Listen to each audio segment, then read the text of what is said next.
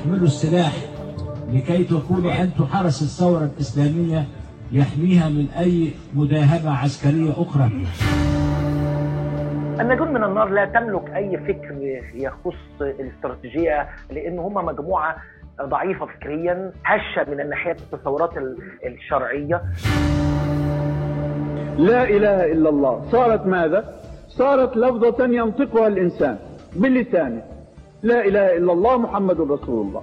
ويتوهم أنها هي حقيقة أن نطقها بلسانه هو المطلوب. ويعني التصديق بالقلب عشان خاطرنا ده انظر إلى الغثاء. المشكلة الكبرى أنه كان لا يحكم الإسلام أحد أبدا على وجه الأرض ثم يكفر نفسه وبعد ما يكفر نفسه يستتيب نفسه مرة أخرى ويدعوها إلى الدخول إلى الإسلام ويغتسل وينطق الشهادتين وبذلك دخل الإسلام مرة أخرى. في منتصف الثمانينات قرر الطبيب الشاب المصري مجدي زنهم الصفتي تحقيق الخلافة الإسلامية. عبر تنظيم عرف باسم جماعة الناجون من النار. معتقد أن المجتمع من حوله مستحق للموت أو القتل ما لم يتبع معالمه اللي اقتبسها من سيد قطب.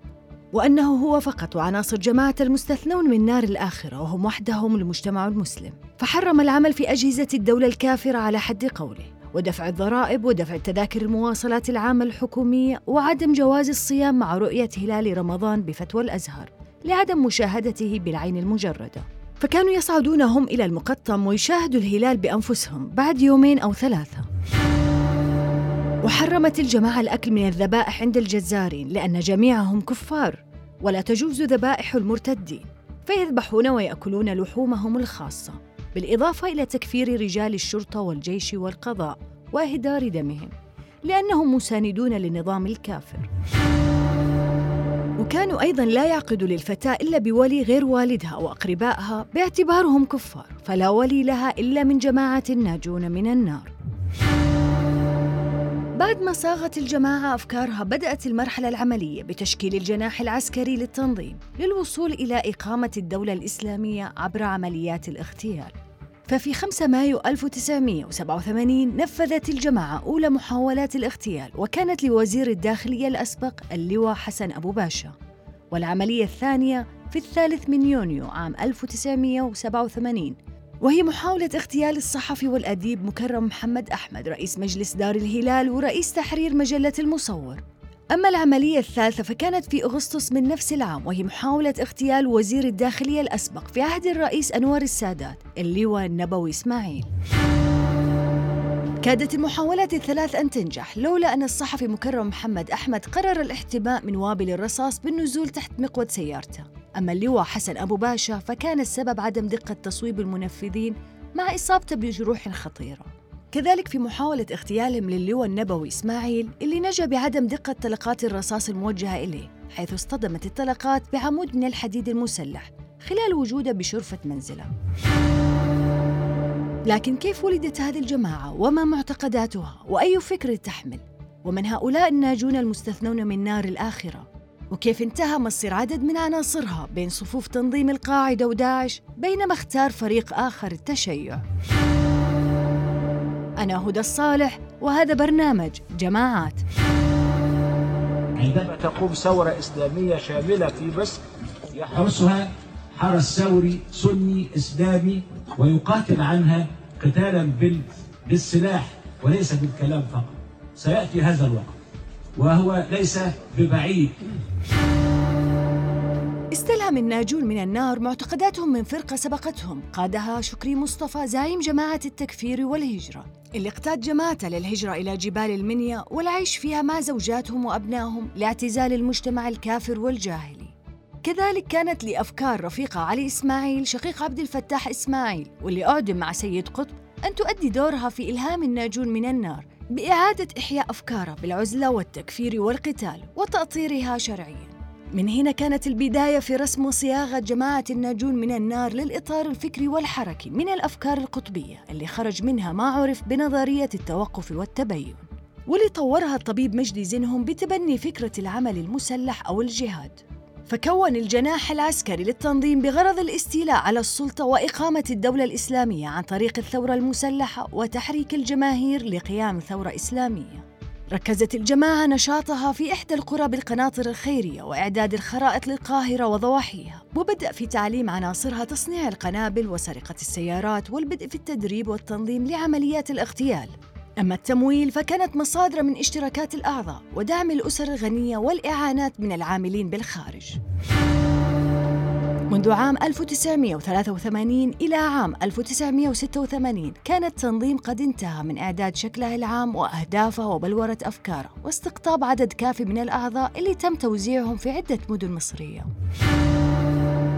تطورت معتقدات الجماعة بشكل سريع منتقلة من مرحلة الاستضعاف والتكوين إلى مرحلة القتال أو الجهاد. باعتبار أن الناس لهم آلهة يسمونها الوطنية والشعب والديمقراطية. وهذه الآلهة أي القومية والوطنية تأمرهم بالاستعباد العقدي محتفظة في نفس الوقت بفكرة التوقف والتبين في المجتمع حتى يتبين لهم كفره من إيمانه.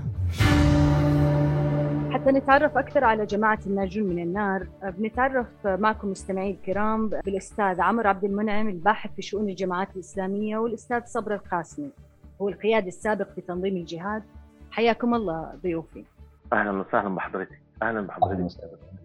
أستاذ صبر أبغى أسألك في البداية إحنا نعرف طبعا إن جذور فكرة التوقف والتبين ظهرت في منتصف الستينات من خلاف في داخل السجن في فترة يعني 65 تقريبا وما بين التيار القطبي والتيار البناوي في ذلك الوقت. وخرج من هذا الخلاف ما عرفت بجماعة شكري مصطفى. نتكلم عن جماعة الناجون من النار اللي تبنت نفس الفكرة التوقف والتبين كيف وصلهم هذا الفكر؟ كيف يعني توارثوا؟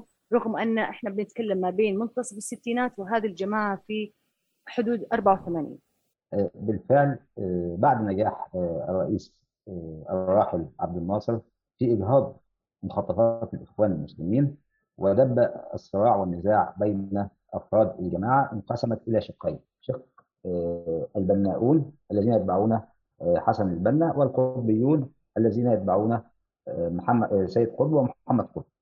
وبعد ذلك انقسم القطبيون إلى عدد من الجماعات. كان منهم الشوقيين والتوقف والتبين وجماعه اللي بنتكلم عنها النهارده الناجون من النار. والناجون من النار عندما بدأت بدأت على يد الراحل عبد المجيد الشاذلي أو كان أحد أهم آه، عناصر تيار التوقف والتبين في وقتها عندما آه، أصدر عدد من المؤلفات أو الكتب كلها تدور حول حقيقة الإيمان آه، فله سبع مؤلفات دي أهم المؤلفات بتاعته اللي هي حد الإسلام وحقيقة الإيمان البلاغ المبين أصل الدين الطريق إلى الجنة وصية لقمان الحكومة الإسلامية الشرعية والدولة. السبع مؤلفات دول هم أساس آه، فكر التوقف والتبين اللي اللي انشقت منه بعد كده أو انقسمت آه، عليه بعد كده آه، النجوم من النار. وعندما أطلق النجوم من النار كان عمدة هذا الاسم كتاب الطريق إلى الجنة للراحل عبد المجيد الشاذلي.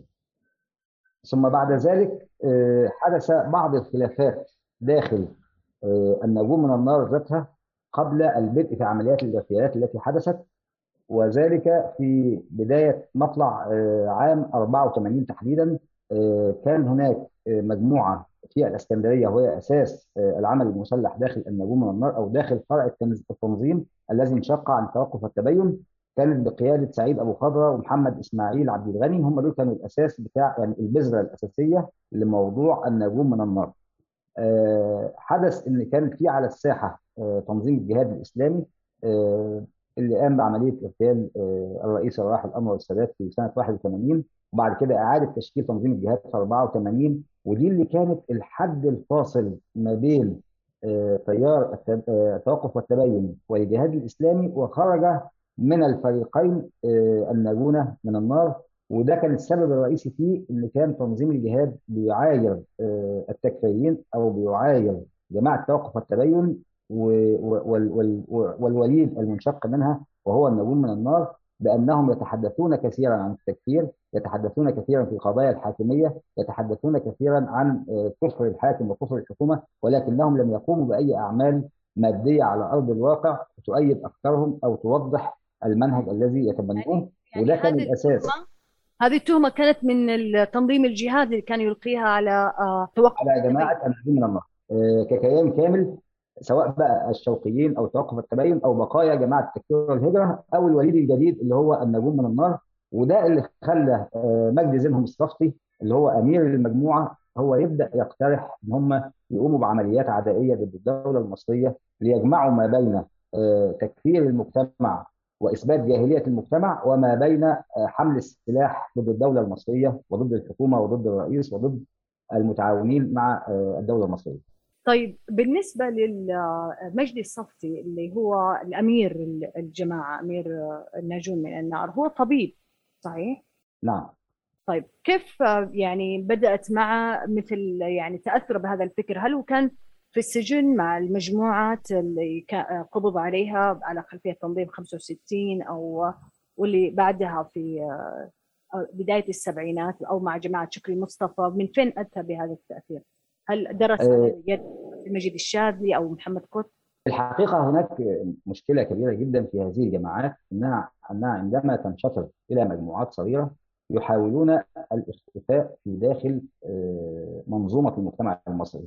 يعني أنا بتكلم على مصر تحديدا دلوقتي حاليا لأن الفكر ده تطرق إلى عدد من من الدول العربية والإسلامية يعني فكر التوقف والتبين أو فكر القطبيين وصل المملكة العربية السعودية وصل المغرب وصل الجزائر وصل اليمن وصل إلى إلى إلى عدد كبير من الدول العربية والإسلامية بل تجاوز الحد إلى انه وصل لأوروبا وأمريكا.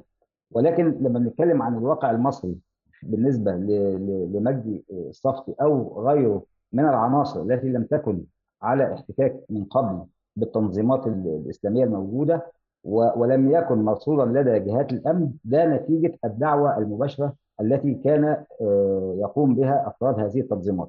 اللي حصل إن إن إن أزمة الإخوان في 65 بعد نجاح الرئيس عبد الناصر في ابهاء مخططاتهم وبدأ الافراج عنهم في بداية عصر الرئيس الراحل أنور السادات بدأوا ياخذوا مساحة في المجتمع في الدعوة وكانت وقتها لم تكن هناك وسائل التواصل الاجتماعي الحديثه كانت الدعوة مباشرة من خلال المساجد والكليات والمعاهد والمدارس الدكتور مجدي الصفتي مجدي زينهم الصفتي تلقى الدعوة وهو في كلية الطب.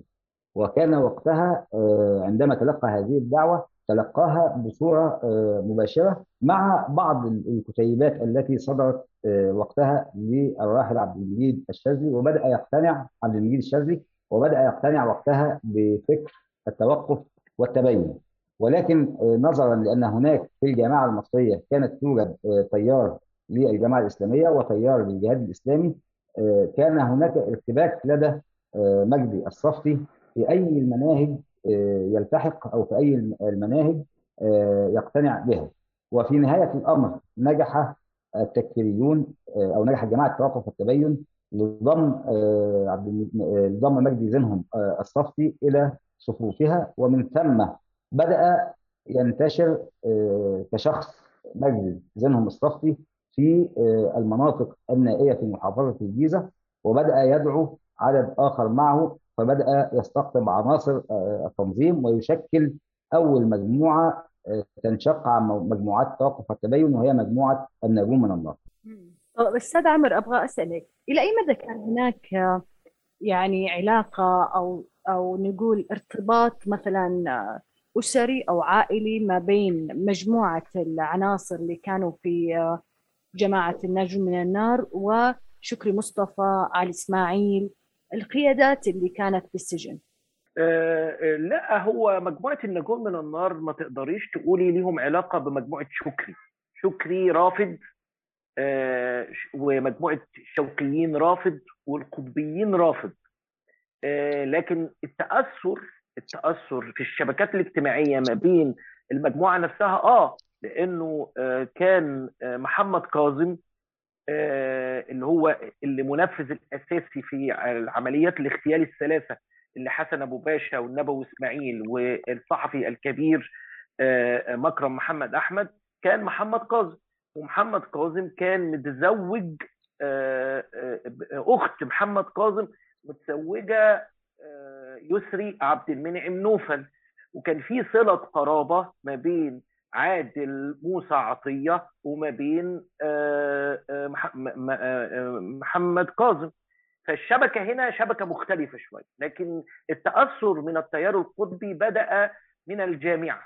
يعني الأمير اللي هو مجدي زينهم الصفتي كان يقرأ كتب التيار القطبي وكانت توزع في هذا الوقت من مكتبة في حدائق القبة تسمى المكتبة القيمة وكان يشرف عليها أحد قيادات التكفير في ذلك الوقت. وكان يوزع كتب كتاب الرئيسي اللي هو الكتاب الكبير هو حد الإسلام وحقيقة الإيمان. وكان يوزع على فصول الفصل بتاع التوحيد وفصل الحكم على الناس وفصل كذا فصل يعني بيقسم ويوزع على شكل كتيبات زي ما قال أخونا الدكتور صبر تأثر مجدي الصفتي بهذه الأفكار ونشأ على فكرة عدم عذر المجتمع بالجهل ببساطة إن المجتمع مش كافر لأنه وصل له الحد الأساسي من الإسلام وهو قول لا إله إلا الله. ولا يكفي قول لا إله إلا الله في الحكم على إن يصبح الشخص أو يصبح المسلم بها مؤمن. ولذلك المجتمع على ضلال كبير. المجتمع بيحمل الجاهلية والجاهلية تقترب من جاهلية عصر أبو جهل الجاهلية الأولى. ولذلك هم ما دخلوش الإسلام. اختلفوا من بعضهم كيف نتحرك لمواجهة هذا المجتمع الجاهلي. إيه اللي هنعمله اللي هنواجهه بهذا المجتمع الجاهلي. فمن هنا نشأت فكرة الخروج من مرحلة الاستضعاف اللي هي مرحلة الاستضعاف اللي هي إن إحنا نبقى نعد العدة لمواجهة الطاغوت ولمواجهة النظام ولمواجهة المجتمع. لذلك في أوراق التحقيقات هنجد إن هم عملوا وثيقة سموها حرية الانتشار أو حركة الانتشار.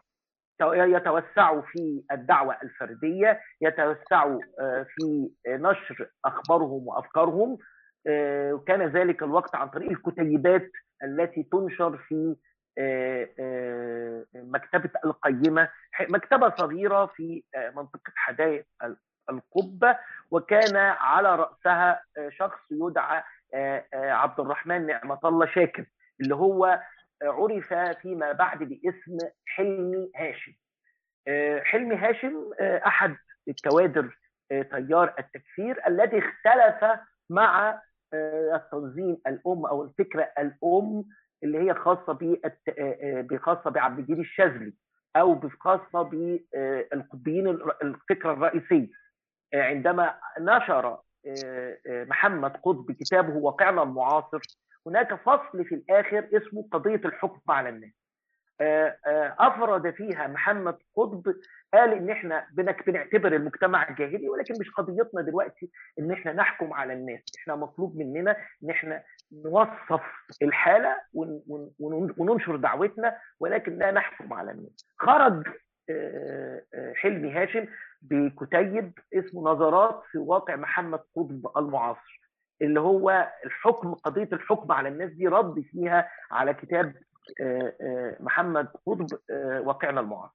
لم يعجبه أيضا حلمي هاشم كتاب حد الإسلام وحقيقة حقيقة الإيمان ورد عليه في كتيب آخر سماه أصحاب السبت وأصحاب الحد. الكتابين دول أصحاب السبت وأصحاب الحد كان يقصد بها أصحاب السبت اللي هو محمد قطب ويصحب بها أصحاب الحد اللي هو عبد الجليل الشاذلي اللي هو الحد الإسلام والحكم على الناس في كتاب واقعنا المعاصر.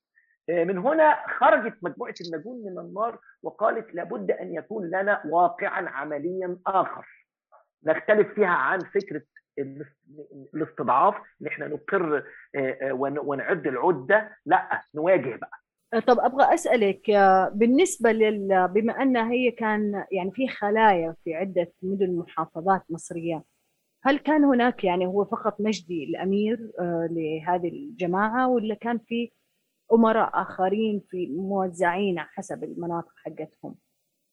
مجدي الصفتي كان أمير المجموعة اللي وجهت اللي هي المج- المجموعة العسكرية لكن التكفير كان لهم أمراء كثر في المناطق بعضهم لم يت- يتم ضبطه حينها بعضهم لم يظهر. أمير التوقف والتباين مثلا آه، معروف في في في دمياط آه، آه، الشيخ نجيب عبد الفتاح إسماعيل مثلا مجموعة الشوقيين كان شوقي الشيخ في ذلك الوقت موجود في الفيوم في مجموع أمراء تكفير كثر كانوا موجودين في- في مثل هذا التوقيت.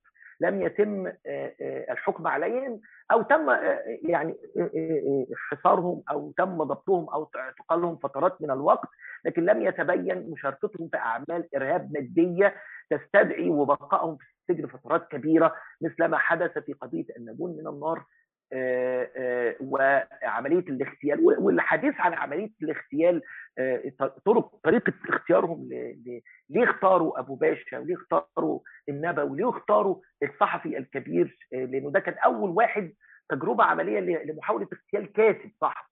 وأنا تقابلت مع الدكتور مع مع الأستاذ مكرم وتحدثت معه آه، آه، يمكن أكثر من ساعة آه، على هذه التجربة التي كانت بالنسبة له تجربة فريدة. ومع آه، هذا مع أن هذا الرجل تعرض لمحاولة اغتيال لكنه شارك الأستاذ مكرم محمد أحمد في عملية المراجعات وإظهار ما حدث آه، للجماعة الإسلامية من آه، تطور في الأفكار في ذلك الوقت في ذلك الوقت وأحط تحتها تحتها قوسين. آه، رغم أنه تعرض وكان يعني يحمل جرح كبير جدا لكن ناجح إبراهيم أول ما جلس معه في سجن العقرب وتحدث معه في حوار قال له نحن لسنا الذين قمنا بعملية اغتيالك هذه فصيل آخر يسمى فصيل النجون من النار حتى أكون واضح بس في. ترتيب. الأحداث كان أمير الجماعة الدكتور مجدي زينهم الصفتي وعمره 28 سنة ونشط في دعوة كل من يسري عبد المنعم نوفل وعمره 27 سنة وهو ممرض في عيادة مجدي الصفتي وعادل موسى عطية ومحمد كاظم عبد القوي بالإضافة ل 46 آخرين. قسمت الجماعة مخططها في دستورها للسيطرة على المجتمع من خلال ثلاث مراحل. الأولى صياغة الأفكار والأهداف والمبادئ ثم مرحلة التوسع باستقطاب أنصار جدد. والأخيرة القضاء على النظام والاستيلاء عليه في الزمان والمكان المحددين. وحدد دستور الجماعة آليات الوصول إلى الغاية المنتظرة عبر وسائل فكرية وقتالية تتضمن الأولى نشر الفكرة عبر الندوات والمحاضرات والمنشورات والصحف وتوظيف البعد الطائفي. يسند هذا إلى مجموعة مختصة بالتخطيط والتدريب على القتال من عدة أقسام وتكون هناك إدارة تابعة للتنظيم أطلق عليها المحكمون أو القضاة تكون من قطاعات ومراكز ووحدات وتشكيلات. بدأت المجموعة المؤسسة لهذا التنظيم بعقد اجتماعاتها الأسبوعية في كل يوم جمعة بمنزل الدكتور مجدي زينهم الصفتي مع حمدي رزق ومحمد كاظم عبد القوي ويسري عبد المنعم وآخرين. وكان مجدي الصفتي يشرح لهم فقه الجهاد الإسلامي وخلال أحد اللقاءات قرر مجدي الصفتي أنه عقد العزم على تطبيق معنى الجهاد عملياً من أجل ما سماه الدعوة لدين الله. طب أستاذ عمرو احكي لي على موضوع ال- الشكل الهيكل التنظيمي لجماعة الناجون من النار. هو الهيكل التنظيمي للمجموعة اللي, اللي نفذت عملية اغتيال حسن الالفي حسن أبو باشا آه، النبوي إسماعيل وحسن أبو باشا ومكرم محمد أحمد كان على رأسها على قمة الرأس آه، مجدي زينهم الصفتي يليه آه، يسري عبد المنعم نوفل. يليه عادل موسى عطيه يليه آه، أمير آخر اسمه عبد الله أبو العيلة. تحتيهم عناصر وأفراد كثر يعني عليهم تحتيهم عناصر كثيره من ال- المنتمين لهذا التنظيم. هم عملوا زي خريطة انتشار في بعض المحافظات آه، يدعو لأفكارهم ويدعو للرؤى بتاعتهم وايديولوجياتهم الفكرية.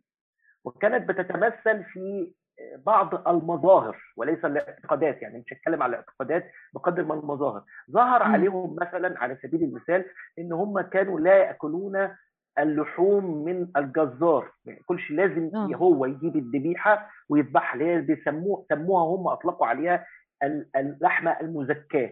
كانوا لا يعني اللحمه المزكاة؟ يعني يعني اللحمه المزكاة يعني من يزكيها هم هم الذين يذبحوها. يعتقدون أن الجزار أو الذبيحة التي تخرج من من المذبح معظم الجزارين الموجودين هناك كفار يسبوا الدين ولا يعتقدوا بإيمانهم واعتقاداتهم. هم ده مظهر كان من مظاهر اعتقاداتهم. كمان مظهر من مظاهر اعتقاداتهم الأخرى إنهم لابد أن يروا هلال رمضان وهلال العيد بانفسهم فكانوا يصعدون إلى جبل المقطم وينظرون ويأخذون الرؤيه بعين بالعين المجردة. لذلك كانوا لا في اليوم الذي تعلن فيه هلال رمضان أو هلال العيد كانوا لا يجتمعون مع المسلمين في هذا اليوم على الإطلاق. إذا دخلوا المسجد وقت صلاة يصلون ويعيدون الصلاة مرة أخرى. اعتقادا منهم أن من يصلون وراءه كافر ولا يجوز الصلاة ولا كافر. وهكذا. هذه مظاهر صلوا يصلوا الجمعة؟ من المظاهر. يصلوا الجمع تقيا يعني في واقع وجود عدم وجود الأمير أو خليفة يصلوا صلاه الجمعة لتكسير سواد المسلمين. لكنه يصلي بعدها مباشرة صلاة الظهر. يعني يعتبر صلاته يعتبرها صلاة ظهر ويصلي. لكن لو حدث إن هو دخل مسجد وقت الصلاة وحتى لا يثار عليه شبهات أنه يمتنع عن الصلاة أو كده فهو يصلي صلاة الجمعة ويعيد الصلاة باعتبارها صلاة الظهر. وهكذا من مظاهر الاعتقاد المختلفة التعليم. يعني معظمهم كان لا يرسل الأطفال الصغار إلى المدارس التعليم المعروفة المدارس هي المدارس والجامعات والمعاهد وهكذا. يعني تقريبا هم مثل مثل اللي سواه شكري مصطفى. قريب من الناحية الاعتقادية لكن شكري كان يعتقد بالهجرة. اعتقاد الخوارج. آه فكرة لا الخوارج يعني يكفر من يخالفه ويهاجره سواء هجرة على على هجرة معنوية يعني مفاصلة شعورية زي ما قال سيد قطب أو هجرة كاملة إلى أرض مختلفة إلى دار الإسلام. هذه التصورات أو هذه الاعتقادات كثير من أفكار مجموعة النجوم من النار كانت واضحة. ويمكن بالمناسبة بريد القبض عليهم أو معرفتهم كانت الخط الأول هي فكرة العزلة التي كانوا يعيشون فيها في بعض المناطق وبعض المحافظات التي كانوا يترددون عليها بشكل تمثل المنهج الفكري للجماعة في تكفير المجتمع وكل إنسان غير ملتزم بالشهادتين سواء كان حاكماً أو محكوماً. وعدم اختلاط النساء بالرجال وارتداء النقاب وعدم أكل اللحوم إلا إذا كان ذابحها من المسلمين برأيه وعدم الالتحاق بالقوات المسلحة والشرطة وأي أعمال حكومية بها شك مثل البنوك. وكذلك أجهزة الإعلام واستحلال مال المشركين والسرية من خلال التشبه بالمشركين ويتمثل هذا التشبه بحلق اللحية وارتداء الملابس المدنية العادية. وحتى نقترب أكثر من الفكر اللي كانت تحمل عناصر جماعة الناجون من النار نستعرض معكم بعض مما جاء في وثائق التحقيق من اعترافات للمتهم رجب علام عيسى وكان عمره 33 سنة ويعمل نقاش وهذا النص من التحقيق هل يعتنق باقي الأشخاص نفس الفكر الذي تعتنقه؟ نعم وأنا ذكرت اسمهم الآن وقد اعتنقوا نفس فكري وهل يجمع بينكم فكر أو تنظيم معين؟ نعم هو منهج التوقف والتبين ما مضمون ذلك المنهج؟ أنا أدعو الناس إلى الإسلام ثم أتبين عما إذا كانوا قاموا بتطبيقه من عدمه هل هناك اتفاق بينكم في ذلك المنهج؟ لا البعض منا يتوقف ليتبين والبعض الآخر لا يتوقف ما الذي تقصده من معنى التوقف؟ أتوقف قليلاً لأحكم على الأشخاص بالإسلام أو الكفر بعد أن أتبين منه كيف يكون ذلك التبين؟ بشهادة الأشخاص الآخرين بأنه مسلم حقاً ما الذي تقصده بمعنى كلمة مسلم؟ هو الذي يقوم بالتوحيد كما أوضحنا. أستاذ صبرا عندك إضافة حول معتقداتهم أو المظاهر اللي كانوا بيخرجوا فيها؟ طبعا. بالنسبة للمغالاة في قضية الكفر والإيمان مثلا جزء زي الولاية الشرعية اللي بيتكلم عليها أخونا الدكتور عمرو إن هم كانوا بيتزوجوا بولي غير الولي. تمادى معهم الأمر حتى دخلوا في بعض الانحرافات الأخلاقية.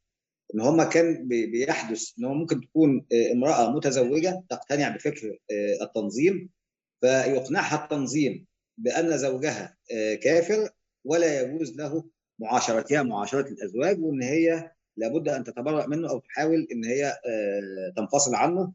فطبعا بيحدث صراع داخل الأسرة الزوج لا يريد أن يطلق زوجته ويهدم بيته فكانت تتركه دون طلاق وتذهب لتتزوج من شخص آخر من أعضاء التنظيم ودي كانت مشكلة كبيرة جدا و... و...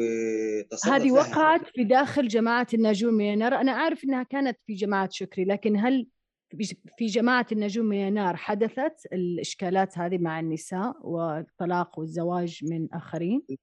على وجه التحديد داخل جماعة النجوم من النار لا ولكن حدث موضوع إن يتو... يعني يولى على البكر شخص آخر ده حدث جوه جماعة التنظيم وال جماعة النجوم من النار. أما في التوقف والتبين بشكل عام هو الذي حدث فيه الانحرافات الأخلاقية التي ذكرناها.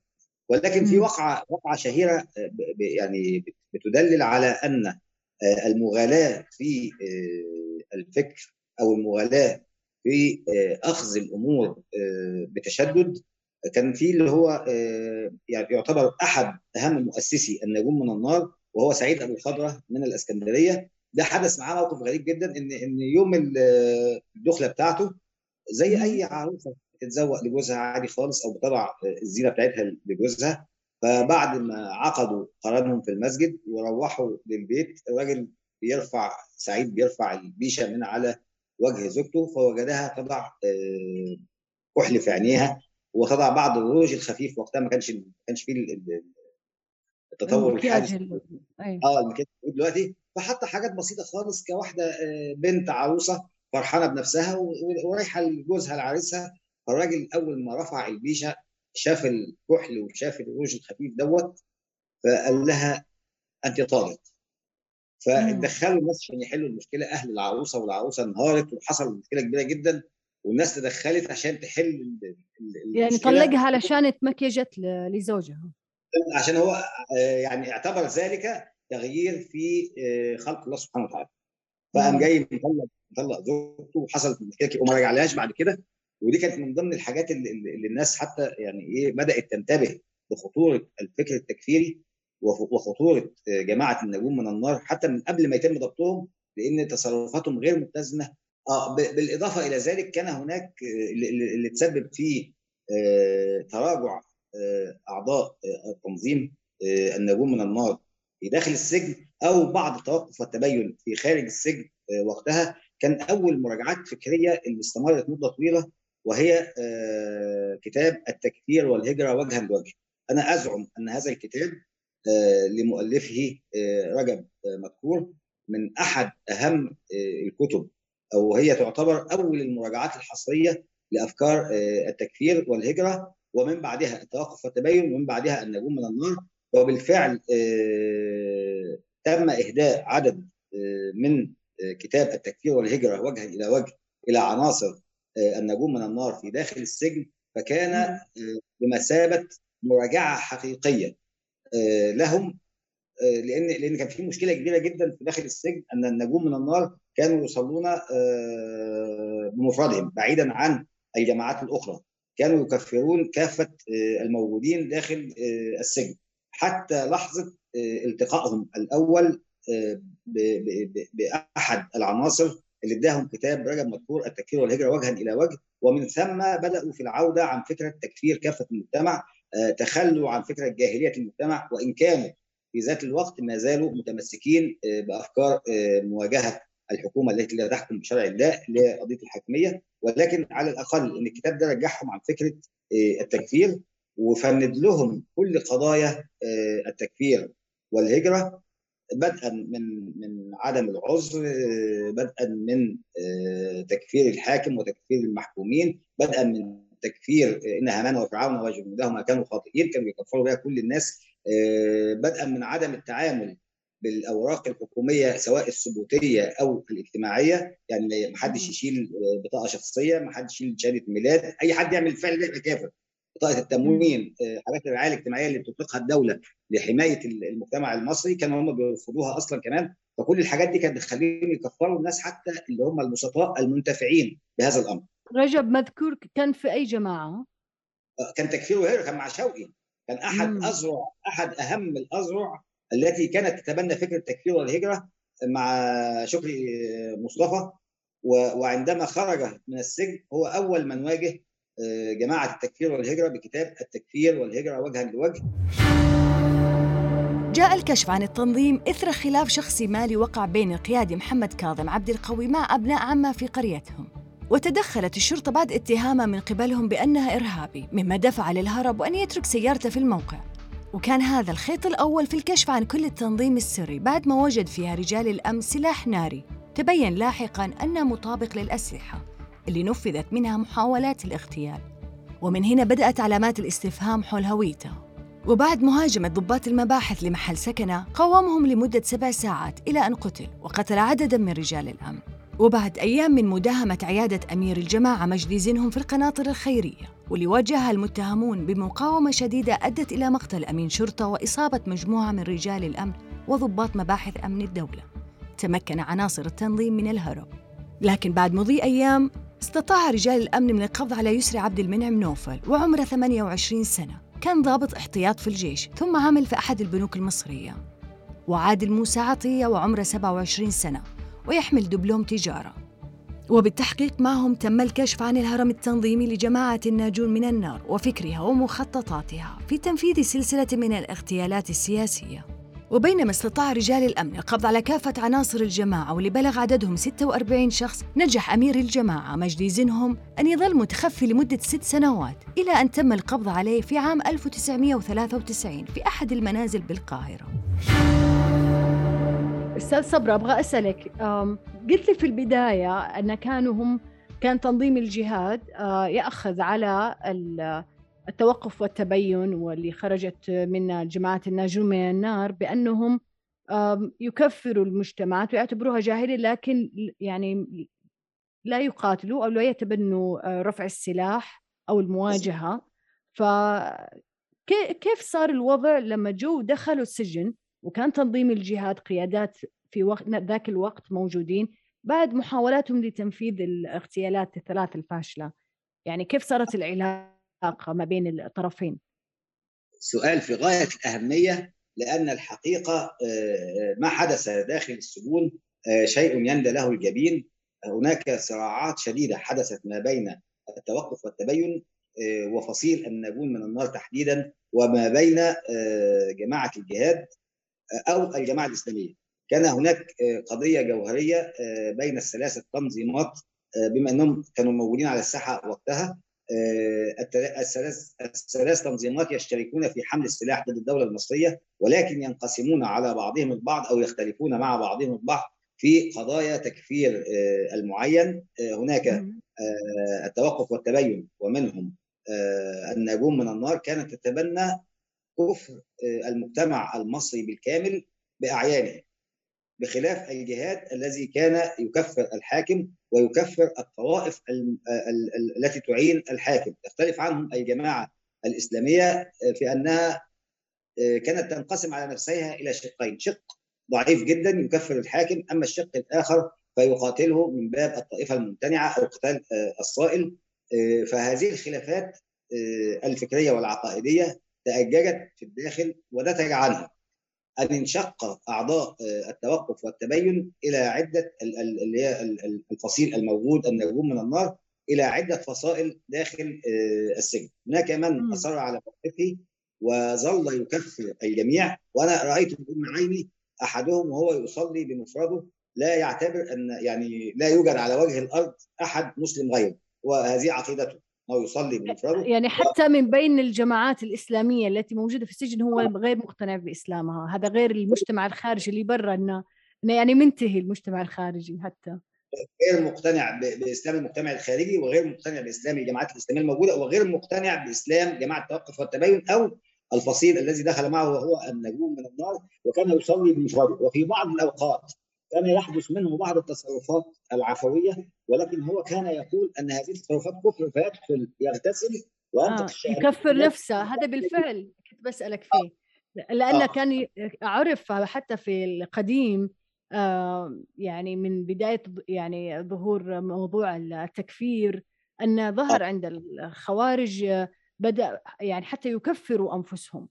يعني يكفر نفسه ثم يستتيب نفسه.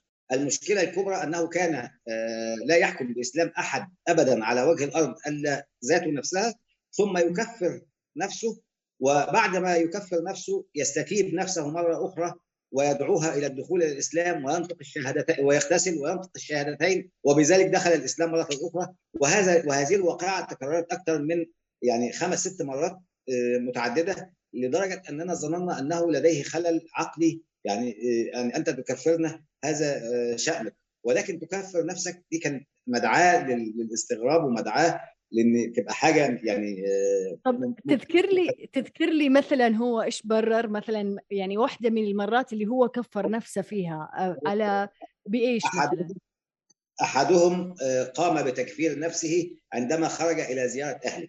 أنت آه، تعلمين أن بالنسبة للسجون الزيارة تأتي بتصريح من النائب العام ثم تصريح من مصلحة أو تصريح من مصلحة السجون أو آه، زيارة المحكوم عليهم من داخل السجن ولكن تكتب في أوراق رسمية أن فلان زاره زويه الأب الأم مم. الزوجة إلى آخره فهو. اعتبر أن لجوء أهله للدخول من خلال تصريح من النائب العام أو تصريح من داخل السجن وكتابة اسمهم في أوراق الزيارة اعتبروا استعانه بالطاغوت آه كفروا بذلك لأنهم استخدموا أدوات وضعها الطاغوت ويجب عليهم رفضها آه ولا يتعاملوا بها. ثم هو من الجهة الأخرى عندما خرج إلى زيارتهم يكتب في دفتر آه الزوار من من من المسجونين آه دخل إلى الزيارة فاعتبر نفسه آه اعتبر نفسه كافرا بسبب دخوله إلى هذه الزيارة.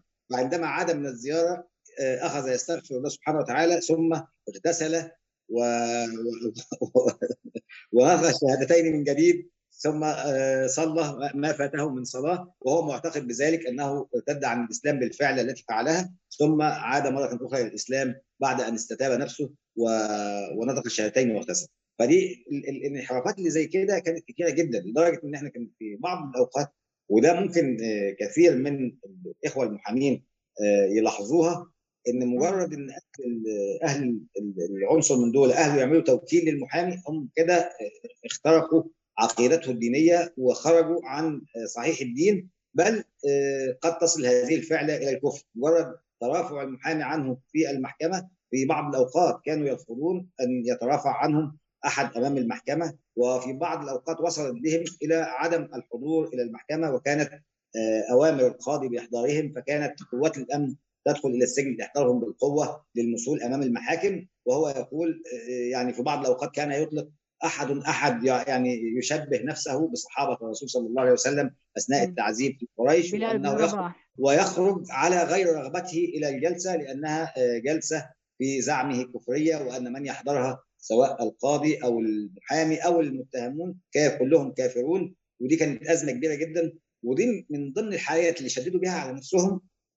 فبدأ بعض الناس منهم يفوق. الوضع ده في حاجة غلط. إحنا كده عندنا حاجة غلط الكلام ده مش صح الكلام ده مش يعني إنه يكفر أهله عشان بيشيلوا بطاقة شخصية سلوكية يعني الناس بدأت تقنعهم بعد كده وترجعهم وده الدور اللي قام به الأزهر الشريف والأوقاف المصرية وقتها إن إن إن حدث بعض الندوات وبعض المراجعات رفضها النجوم من النار والتوقف والتبين في أول الأمر واشترك فيها الجهاد والجماعة الإسلامية ولكن بعدما ثارت النقاشات داخل العنابر بدأ حتى النجوم من النار والأشخاص الآخرين يتداولوا كتب الأزهر الشريف التي كان يرسلها إلى السجون وبدأوا أبغى, أبغى أسألك أستاذ صبرا إلى يعني هذه الحالة مثلا تكفير الذات أو النفس هل كانت يعني حالة فردية أم حضرتك شاهدتها يعني بأكثر من شخص من ال... بالنسبة من النار كانت فردية لشخص واحد. ولكن بالنسبة لعموم الشوقيين وعموم التوقف والتبين كانت هناك ودي كانت عاملة داخل السجون ان إن الدولة مش يعني مصلحة السجون مش عارفة تقعدهم إزاي. يعني يعني تخيلي حضرتك أما يبقى يعني غرفة واحدة فيها 10 أفراد بيصلوا مثلا ثلاث جماعات وثلاثه فرادى وواحد قاعد بيتفرج عليهم مستني ما يخلصوا كلهم صلاة عشان ما يصليش أثناء صلاة آه، جماعية موجودة. هتلاقي العشر أشخاص منهم ثلاث جماعات كل اثنين بيصلوا لوحدهم جماعة. م- كلهم مكفرين بعض. يعني دي مشكلة كبيرة جدا ان إن الاثنين دول مكفرين الاثنين دول مكفرين الاثنين دول. فأصبح عندنا ست أشخاص بيقوموا بثلاث جماعات كل جماعة تصلي لوحدها. وبعد كده ثلاث أفراد كل واحد شايف نفسه إن هو المسلم الوحيد على الأرض فبيصلي لوحده. وواحد بقى قاعد يتفرج عليهم كلهم مستنيين كل كل الكفار اللي قدام منه دول يخلصوا صلاة ويقعد هو كمان يعني لدرجة إن إن بلغ بيهم ال- الاستهزاء بالدين والاستهزاء بشعائر الدين إن هم ممكن يسخروا من المصلين اللي بيصلوا لله سبحانه وتعالى لأن هم في زعمهم أن هذا. هذه الصلاة باطلة وأن هذه الصلاة لا تقبل عند الله سبحانه وتعالى وأنهم يعني إيه يقع عليهم القول الذين ضل سعيهم في الحياة الدنيا وهم يحسبون أنهم يحسنون صنعه كان كل واحد فيهم. بيفكر الآخرين على هذا المنوال ودي كانت. مشكلة كبيرة تواجه حتى إدارة السجون يعني أنا ما عنديش أماكن أنا مقعد 10 أفراد في مكان ياخد 40 فرد طب أعمل فيكم إيه أكتر من كده؟ طب أعملوا ستاير بينكم وبين بعضكم عشان عشان ما تقعدوش لأن كانوا لما يقعدوا يتناقشوا مع بعضهم ينقلبوا. على بعض ويختلفوا مع بعض وتحصل أزمة كبيرة قد تصل إلى التشابك بالايدي قانون ولوائح. السجون تمنع التشابك بالايدي ويضطر إلى وضعهم في التأديب كانت قصة معقدة آه،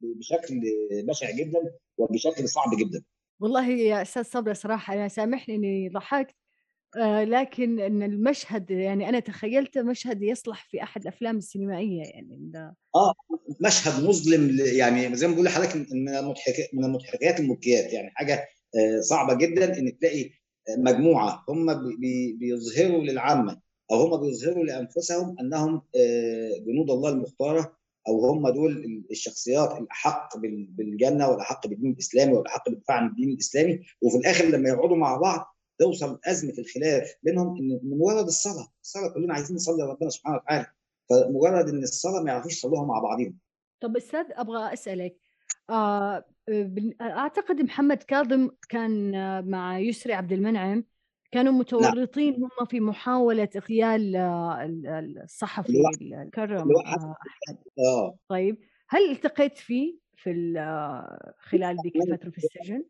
يسري عبد المنعم كان شابا شابا صغيرا آه. وكان معه عادل موسى عطيه وباقي افراد التنظيم وعندما دخلوا إلى السجون كانوا آه أكثر الناس تشددا وأكثر الناس الناس طبعا أنت تتكلم يوم دخلوا حضرتك موجود واجتماعك معهم آه اجتمعت معهم بعد ما أنهوا التحقيقات هم دخلوا في أواخر 87 ودي دي اجتمعت معهم مرة في 88 واجتمعت معهم مرة أخرى في عام آه، 2003 على ما أعتقد. يعني تقصد اجتمعت هل يعني شفتهم جلست جلسة أم كانوا مع كنتوا مع بعض؟ قعدت معاهم. في الأول كانوا متشددين على نفس أفكارهم آه، على نفس مبادئهم لم يتخلوا ابدا عن عقيدة التكفير أو عقيدة التشدد. ولكن في اللقاء الآخر ال- ال- اللي بعد ما آه، تمت بعض المراجعات وبعد ما رجعوا كتاب آه، التكفير والهجرة وجها إلى وجه كان هناك أشخاص آخرون. آه، بمعنى ان أن وتيرة التكفير بدأت تختلف عن المرة الأولى التي وجدوا فيها. يعني 88 يختلف عن آه، 2003 في 88 كانوا ما زالوا متمسكين بالفكرة ما كانوا متمسكين بالخروج على على الحاكم والحاكمية والخروج على المجتمع. ما زالوا ينظرون إلى المجتمع على إنه مجتمع جاهلي.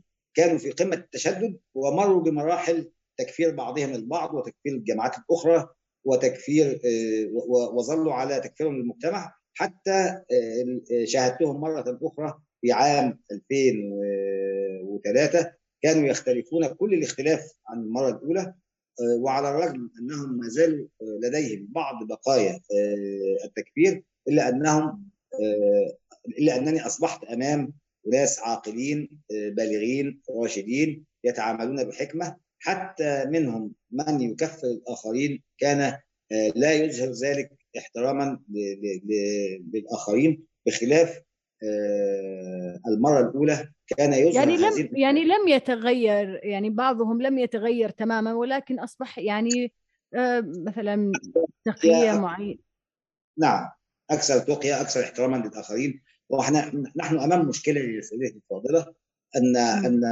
موضوع آه، المراجعات أنا في زعمي أن معظم التيارات الإسلامية الموجودة على الساحة تتخذها أسلوب تكتيكي وليس استراتيجي.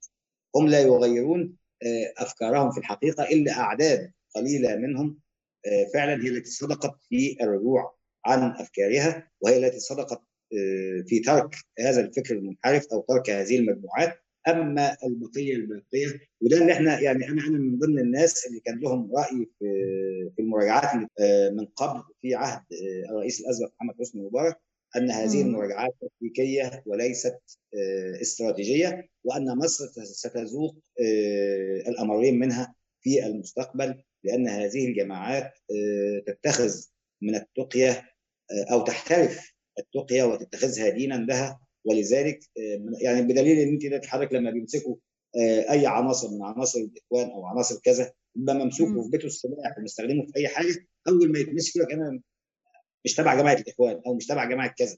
أو إنني براء من هذه الجماعات اول اقرب حاجة عندهم التقيه والتخفي من وعدم الاعتراف بالجماعات الموجودة التي يتبعونها.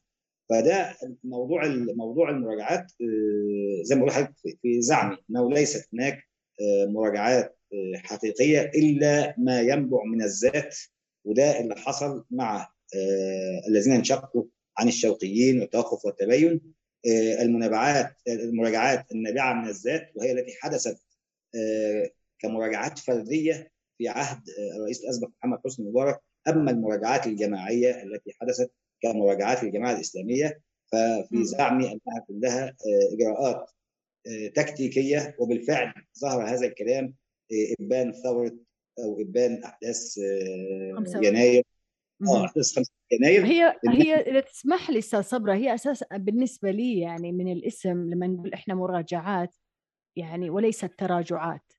ف فأعتقد هنا نفهم إحنا أن هي مرحلة تكتيكية تتبعها الجماعات لأن مراجعات يعني تمحيص الفكرة إعادة صياغتها لكن ليس تراجع عن المبدأ والفكرة الأساسية بشكل تام. أنا احييكي لأن أول مرة أسمع مراجعات وتراجعات احييكي على هذا المصطلح إن بالفعل المراجعات تختلف عن التراجعات. الأفراد كانوا يرجعون من ذوات من ذات أنفسهم تراجعات حقيقية. أما المراجعات التي حدثت فكلها وعلى مدى الأعوام الماضية ظهرت أنها كانت تكتيكية وما يشهد على ذلك هو أحداث يناير التي حدثت. يعني أصحاب أصحاب ما يطلقون عليها المراجعات هم الذين كانوا ينصبون الخيام في ميدان التحرير للدعوة إلى فكرهم المنحرف أصحاب المراجعات هم الذين انتشروا في ربوع مصر بداية من سيناء حتى مطروح ومن أسوان حتى الإسكندرية يحثون الناس على رفع السلاح ضد الدولة المصرية. أستاذ عمر أبغى أسألك بخصوص مجدي هو لما نف يعني في, في نرجع للثمانينات وقت تنفيذ المحاولات الاغتيال هو هرب ست سنوات يعني قدر إنه يهرب ست سنوات في اليمن صحيح؟ بالفعل بالفعل مجدي هرب وحتى وقع اصطادوا اجهزه الأمن عن طريق شخص اسمه أكرم فوزي. أكرم ده بعد كده هي هيشارك في قضية الأزهر تفجيرات الأزهر. وأكرم يقبع في سجن المنصوره حتى هذه اللحظة محكوم عليه بالمؤبد. هو من أوقع استدرج مجدي الصفتي لمكان في شبرا وتم القبض على مجدي الصفتي بفعل وشاية أو اتفاق ما بين أكرم وبين لذلك أكرم لما دخل السجن عومل معاملة قاسية باعتباره مرشد و و وتم عزله فترات كبيرة و إلا أنه أفرج عنه ثم تورط في قضية كبيرة هي قضية تفجيرات الأزهر وشرم الشيخ. فضل استخبى مجد الصبتي في أحد القرى وأطلق على نفسه الشيخ حسن وكان يمارس الطب في الخفاء الشيخ حسن سمى نفسه أي. الشيخ حسن هذا في اليمن لا لا كان في. في مصر ما كانش لا لا ما سافرش اليمن لا هو ممكن يكون في بعض ال... في بعض الأوراق في بعض ال- ال- التفسيرات هو سافر ليبيا ورجع مرة أخرى لم يستطع أن يستقر في ليبيا كثيرا آه، رجع مرة. أخرى وتم القبض عليه في في القاهرة وحكم آه، محاكمة لأنه محكمة النجوم من كانت محكمة مدنية آه، حصل فيها على على المؤبد نتيجة للعمليه كيف استطاع التي إنه ست قامت. سنوات إنه يختفي عن رجال الأمن ويقبض عليه في ما أنا قلت 93 لحضرتك إنه فكر التكفير فكر انعزالي يعني لا يمارس الأنشطة آه، يستطيع فكر الذي يعتقد فكر التكفير أن يمكث 10 سنوات 15 سنة لا يحتك بمظاهر التكفير تظهر عليه منها من مم. ضمنها الذبح الحلال اللي هي ال- ال- اللي إحنا قلنا عليها لحوم مزكاه مم. الزواج. فكرة التعامل مع الغلاق على فكرة المرأة والتعامل مع المرأة آه، فكرة إن هو ما يصومش وما يفطرش على آه، ال- ال- الهلال بتاع رمضان جموع المسلمين. إنه آه، دائما آه، حريص في آه، مظهره اللي بيسموها ال- ال- ال- الهدي الظاهر يستخدم الهدي الظاهر بحساب غير مثلا معظم الجماعات السلفية التي تتعامل بالهدي الظاهر، الهدي الظاهر ده معناه إيه؟ معناه إن هو يلبس ال- ال- الج- الجلباب الأبيض، الجلابية البيضاء، الجلباب الأبيض، القميص الأبيض وتحتيه و- و- وتحتيه ال- السروال ويرتدي العمامة أو أو الغطرة ويطلق لحيته كثه آه، ويحف الشارب ومزوجته منتقبة. التيار السلفي أو معظم التيارات تقوم باحترام الهدي الظاهر وتقول أنه يعلن آه، هوية المسلم آه، وفي في وجه الجاهلية. أما بتاع التكفير معظم التكفيريين أو بيحلق اللحية ممكن يجلس على آه، القهاوي والكافيهات العادية ممكن يختلط بالنساء ويتعامل معهم آه، آه، يظهر دائما بمظهر لا لا يتحدث في اعتقاداته وحتى لو استفزه أحد آه، بطريقة أو بأخرى يحاول أن يهرب بي- بيستخدم التقيه ويستخدم اعتقاداته الخاصة داخله. دي فمن هنا يستطيع بحرفية شديدة أن يتخفى عن ال- ال- المجتمع. و- و- و- وده بيدفعنا للحديث ليه إن إنه إنه بتوع التكفير أو التكفيريين أو من يعتقد دوت أخطر بكثير جدا من أخطر فصائل التيارات الإسلامي السياسي لأنها. تأتي ب اللي هو العنف بطلق عليه العنف اللحظي إنه ممكن يسير شخص في هو متخيل ان هو يسير في في حياة طبيعية وفي لحظة تنزل عليه أو يتقمص دور آه، آه، اعتقاد ال- ال- ال- ال- المواجه أو أو أو ال- أو الجهادي آه، وتجده في لحظة يحدث له الشعلة ويتبنى. العنف تجاه صحيح. المجتمع طب أستاذ بسالك هو يعني قدر إنه يمارس مهنة الطب آه، خلال سنوات اختفائه يعني؟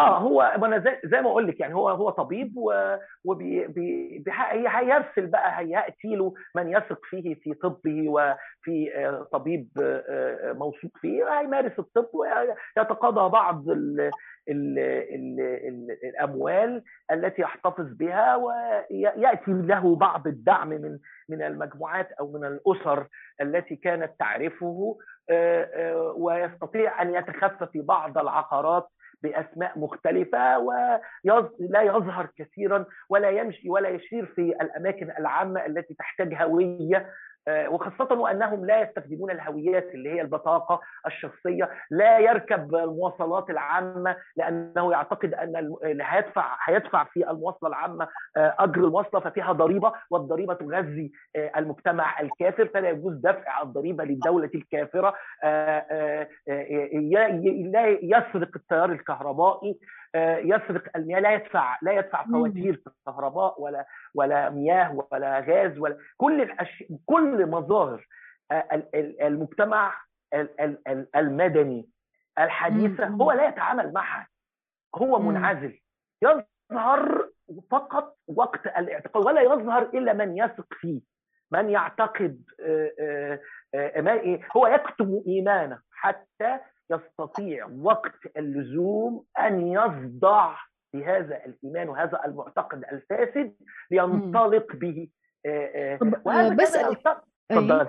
خلال السنوات الستة اللي كان اختفى فيها وقبض على رفاقه هل كان يسعى عنده مساعي لإعادة تنشيط الجماعة إعادة تكوينها؟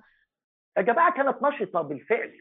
ما أنا قلت لك أن أن هؤلاء حتى يعني بعد القبض بعد القبض على المجموعة. هؤلاء اختلفوا عن مجموعات التكفير في مسألة ديناميكية الحركة. الحركة. هو هي... هو هيواجه وبالتالي المواجهة تحتاج تنظيم سري وعسكري. لذلك تم حصولهم على على أسلحة ومتفجرات.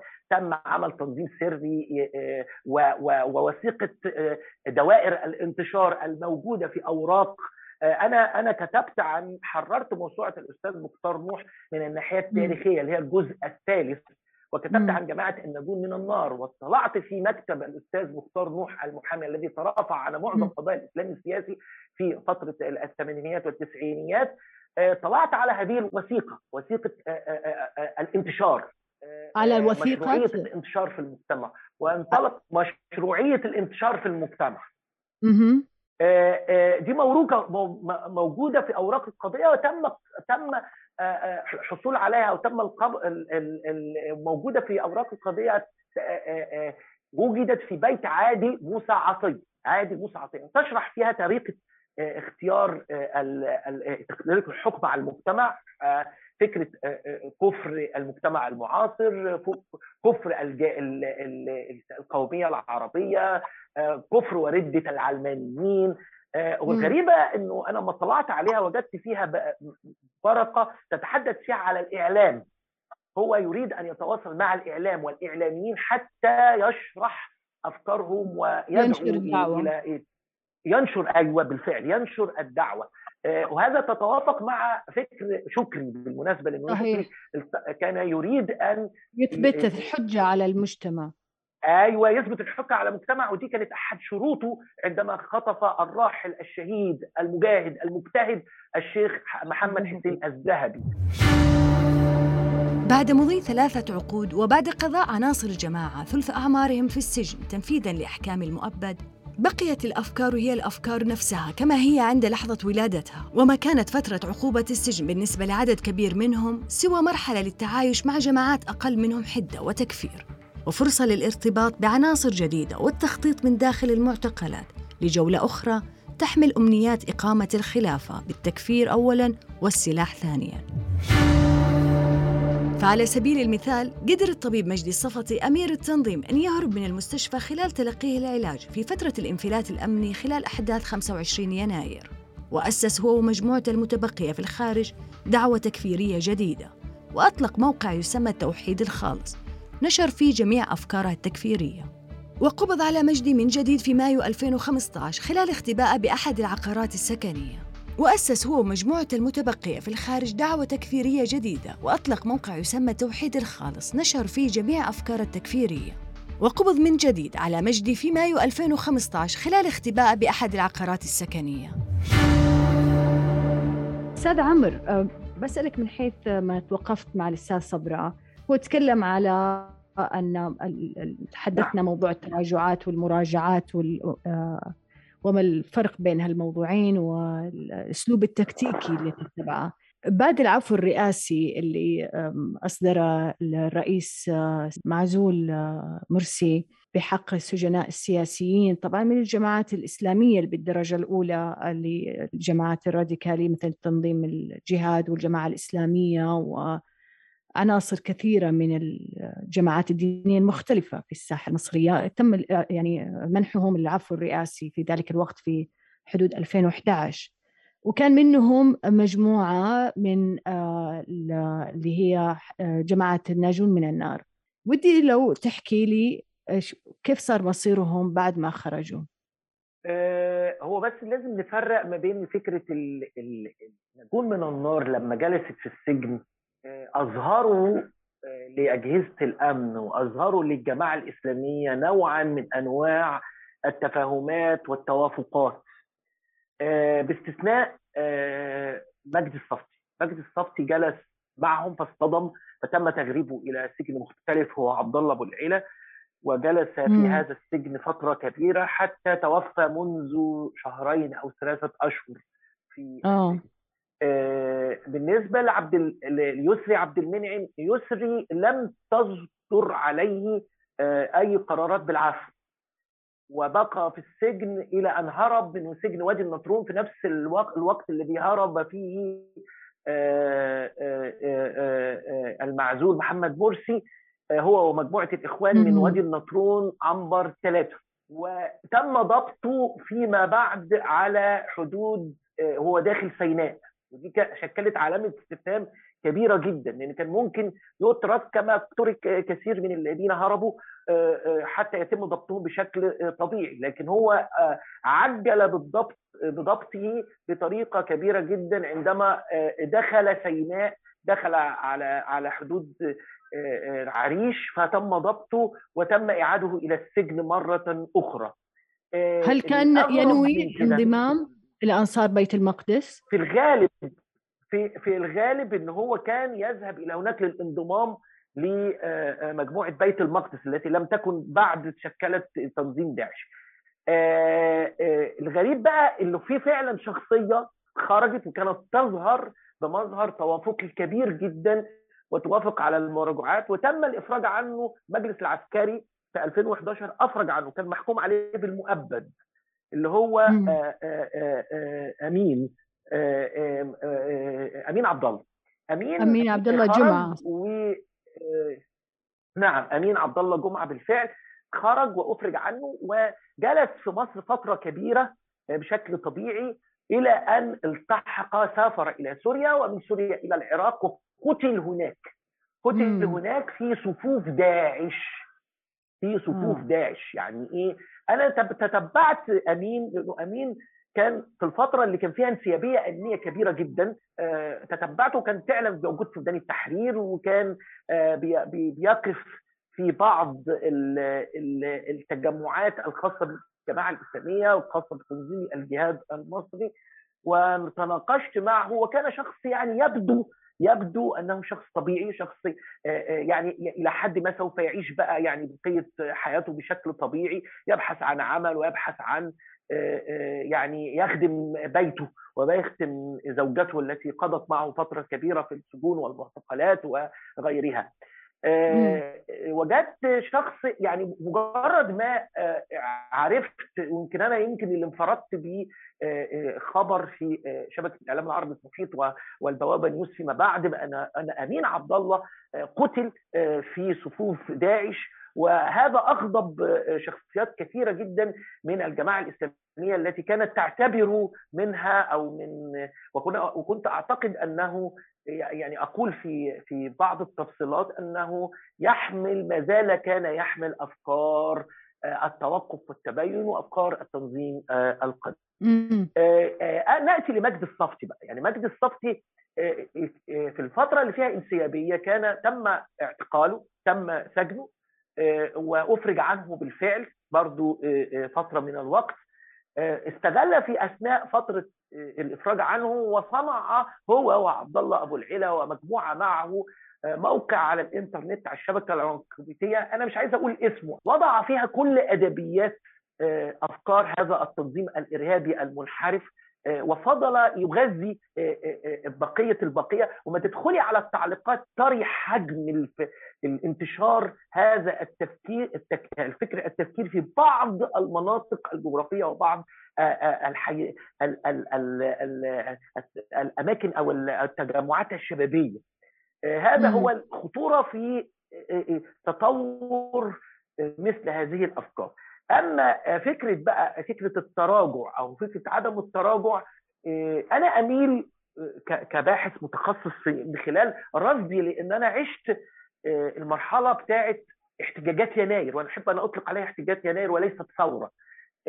عشت فترة احتجاجات يناير وكم التخلي عن الأفكار لأنه 30 سنة بتوع مبارك والسجون والمعتقلات شكلوا حالة معينة في الشارع المصري وشكلوا حالة عند الرأي العام الذي بدأ أن يحتفظ وأن يرجع هؤلاء الشباب إلى حيز الوطن وحيز المجتمع ويشاركوا في الحياة السياسية ويشاركوا في بدأ وكأن بعد احتجاجات يناير هناك صدمة. وهناك استغلال للحدث وساهمت فيها بشكل كبير جماعة الإخوان المسلمين التي أكثر من استفادت من فكرة التكفير ونشرت أنها تحارب فكر التكفير وأنها تعتبر فكر التكفير بدعة وأنها تستطيع أن تحتوي هؤلاء الشباب وتسحبهم مرة أخرى إلى حظيرة وبوتقه الإسلام الصحيح. وهذا كشف فيما بعد أخي صبرة تحدث عن كتاب رجب مذكور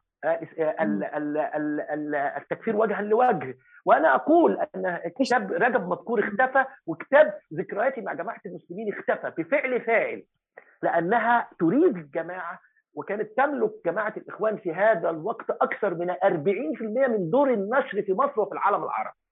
آآ آآ آآ لم تقم جماعة الإخوان على الإطلاق بطبع هذا الكتاب. في معظم مطابعها وحاولت أن تصدر للمجتمع وتصدر للدولة أزمة أنها هي الوحيدة التي تملك وتستطيع مواجهة جماعة التكفير وجماعات التكفير وأن المناطق التي تعيش فيها وتسيطر عليها جماعة الإخوان المسلمين تنسحب منها جماعة التكفير والهجرة وجماعات التكفير بشكل عام. أستاذ عمرو أبغى أسألك في نقطة مهمة تحول الفكري عند جماعة الناجون من النار هم كانوا تبنوا فكرة أن يقلدوا فكرة الثورة الإسلامية في إيران. إلى أي مدى دخل يعني هل هناك تحولات في داخل صفوف هذه أفراد جماعة النجم من النار؟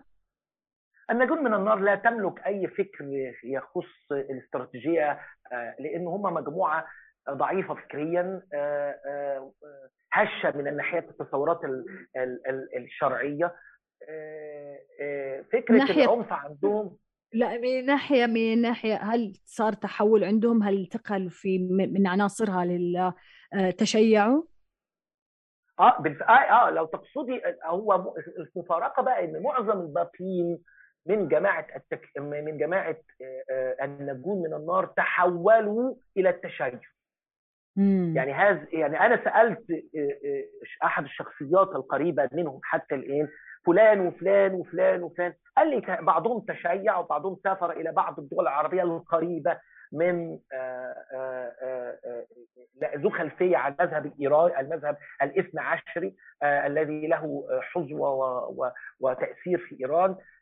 وبعدوا تماما عن في تحولات فكرية لكن ما تحولوش في في, في من الناحية الحركية والعسكرية إلى تيار تاني. هم من الناحية طيب الفكرية قلبوا إلى التشيع بإيجاز كيف دخل لهم فكرة التشيع من أي جهة من أي طرف؟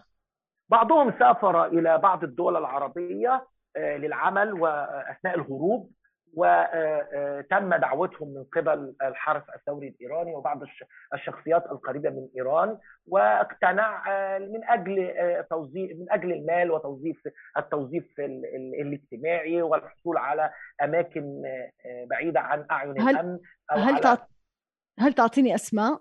في في شخص اسمه محمد منتصر وفي شخص اسمه ثابت محمد علي ثابت الجوهري محمد علي ثابت. الجوهري وبعض الشخصيات لا لا أعرف ده موجود في القضية. لكن لا أعرف م. أين هو الآن موقعهم في في الجماعة تحولت إلى التشيع يعني أعضاء أعضاء أعضاء قيادية أعضاء عناصر كانوا في ليست عناصر قيادية لها تأثير لكنها أعضاء أعضاء كانت تعتقد بفكر التكفير على على على تصور النجوم من النار وتحولت إلى التشيع ودول على فكرة برضو يعني إيه لهم كانوا عناصر مرتبطين بيهم ثلاثة أو أربعة كل شخص بيملك خلية منهم تكون من أربع أو ثلاثة أو أربع شخصيات فبعضهم فعلا تحول إلى التشيع مذهبي. طيب شكرا جزيلا لكم شكرا أستاذ صبرا كان ودي إني أرجع أسألك في شيء معين لكن للأسف إحنا أخذنا الوقت. أنا عندي تعقيب في ثلاث أربع دقائق بالنسبة ليسري عبد المنعم هو فعلا بالفعل حاول الإلحاق بالمقاتلين في سيناء ونجحت قوات الأمن في ضبطه وضبط وتم ضبط معاه في تليفونه بعض التليفونات العناصر اللي كان هينزل عليهم في سيناء ودي اتسببت بعد كده في ان اجهزه الأمن لحقت مجموعة اللي هو كان هينزل عليها في سيناء وتم التعامل معاه ده بالنسبة ليسري عبد المنعم بالنسبة لمجد زينهم الصفتي هو بالفعل هرب بعد كشف التنظيم مباشرة إلى ليبيا وظل في مم. ليبيا لما يقرب من الخمس سنوات. هو مفهوم غلط من ست سنوات في مصر. لا هو آه، مجدي زين المصطفي قعد ما يقرب من خمس سنوات في آه، ليبيا ثم بعد ذلك أتى إلى مصر آه، والمكان اللي قعد فيه كان عن طريق آه، أحد الأشخاص التابعين لل- للتنظيم هو اللي وفر له محل الإقامة وكان آه، يبدو عليه آه، كبر السن وهيئته بسيطة متواضعة فخلت الناس ما تشكش فيه وقعد في مصر قبل القبض عليه حوالي خمس أو ست شهور وأعتقد آه، في عقيدتي ان أنه تم رصده أثناء دخوله إلى مصر.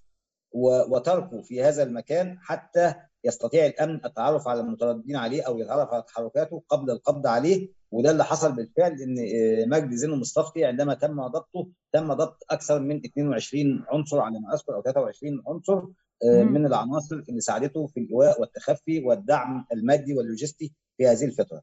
آه، بالنسبة. ال- ال- التعقيب الثاني على موضوع الثورة الإيرانية أو علاقة التنظيمات التكفيرية بالثورة الإيرانية كان في مجموعة من آه، الكتب بيتداولها أعضاء آه، التنظيمات التكفيرية اللي هي الثورة الإسلامية في إيران آه، الثورة الإيرانية بين الواقع والأسطورة على ما أعتقد إيران في ربيع الإسلام الثورة البيضاء في إيران الثورة الإيرانية الصراع. الملحمة النصر دي أيوه كانت مجموعة من الكتب بيتداولوها بيحاولوا أن يحاكوا الثورة الإيرانية ما أعرفش في حد منهم تشيع ولا لأ ولكن هم كانوا منبهرين بنموذج الثورة الإيرانية وبيحاولوا إن أيوة. هم يحاكوه ويبقى موجودين في مصر. طيب يعطيكم ألف عافية. شكرا جزيلا أستاذ صبرا. شكرا. جزيلا أستاذ عمر. يعطيك ألف عافية. شكرا يا فندم. شكرا يا شكراً. فندم. شكرا لكم. ونختم حلقتنا بهذا الحديث لعبد الله أمين جمعة واللي كان في أوائل الثمانينات خلال ندوة أقامها حلمي البلك رئيس الإذاعة المصرية في الثمانينات. واللي كانت لمناقشة فكر التوقف والتبين بين عدد من جمهور هذا الفكر وعلماء وشيوخ من الأزهر. ولكن حديث عبد الله أمين جمعة هذا قبل أن يختتم محطاته بين صفوف داعش في مدينة الموصل العراقية عام 2013. ل- لأمثالي من الشباب وللناس جميعا حكاما ومحكومين وعلماء يتصدون للناس لدعوتهم ولإفتائهم في أمر دينهم الذي هو الانقياد التام لله سبحانه وتعالى ورفض كل ما سواه من تشريعات ومن ومن آه، ومن كتب ومن دساتير وكل هذه الأمور كلنا يعلمها تماما. ولكن النقطة التي أريد أن آه، أركز عليها وهي بعد الناس في هذه الأيام عن هذا المفهوم وانطماس هذه المفاهيم عند الناس. فإنهم جعلوا التلفظ بألفاظ الإسلام مجرد طلاسم لا يفهمها أحد ولا يطبقون لها معاني. فليس الإسلام أن نتكلم بلا إله إلا الله وأن نتبع منهجا كاملا بخلاف منهج الله وأن نستحل كل محارم الله باسم, باسم الوطنية والتقدم. فإنني والله ليس لا أقف أمامكم إلا ناصح أمين. نريد أن نربط واقعنا بدين الله سبحانه وتعالى. وهل نطبق في دي من دين الله في هذا الواقع ما يأمرنا الله سبحانه وتعالى به؟ ولكن إن الذي يعنيني أن أوصل ما أفهمه من هذا الدين إلى إلى الناس الذين حضروا وأن أقول هذه الكلمة طالما أنني وقفت مثل هذا الموقف آه، تكلمت ووضحت أنني أفهم الإسلام أنه تطبيق عملي. وليس كلاما وألفاظا تقال ولا تدل على معاني فالإسلام وضع كله ليدل على معاني. فإن تلفظنا بلا إله إلا الله فيجب علينا أن نكون متلفظين بها موقنين بها من قلوبنا مخلصين لله سبحانه وتعالى. عابدين لله سبحانه وتعالى خاضعين له. لا نرتضي لغيره تشريعا. من من معنى للا إله إلا الله ولا أف- أريد أن أفهمكم هذا فإنكم كلكم تفهمون. وكلنا نعرف هذه المفاهيم ولكن نغفل عنها في تطبيقنا العملي. هذه النقطة فقط هي قد تكون الفارق أو قد تكون الخلاف بين كثير من الناس. أنه يحفظها كألفاظ ويحفظها كمفاهيم ولا يطبقها على الواقع. المسلم أعامله أعامله بمعاملته الشرعية التي وضعت له. أهل الكتاب أعاملهم بمعاملتهم الشرعية التي وضعت لهم في الشرع. الكفار أعاملهم بمعاملاتهم الشرعية التي وضعت لهم كل هذه الأمور لا بد لأنها سوف يترتب عليها. الولاء الذي هو فارق بين الكفر والإسلام.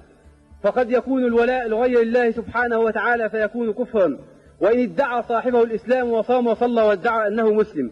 فنجد كثيرا ممن يتلفظون بلا إله إلا الله ويدعون الإسلام.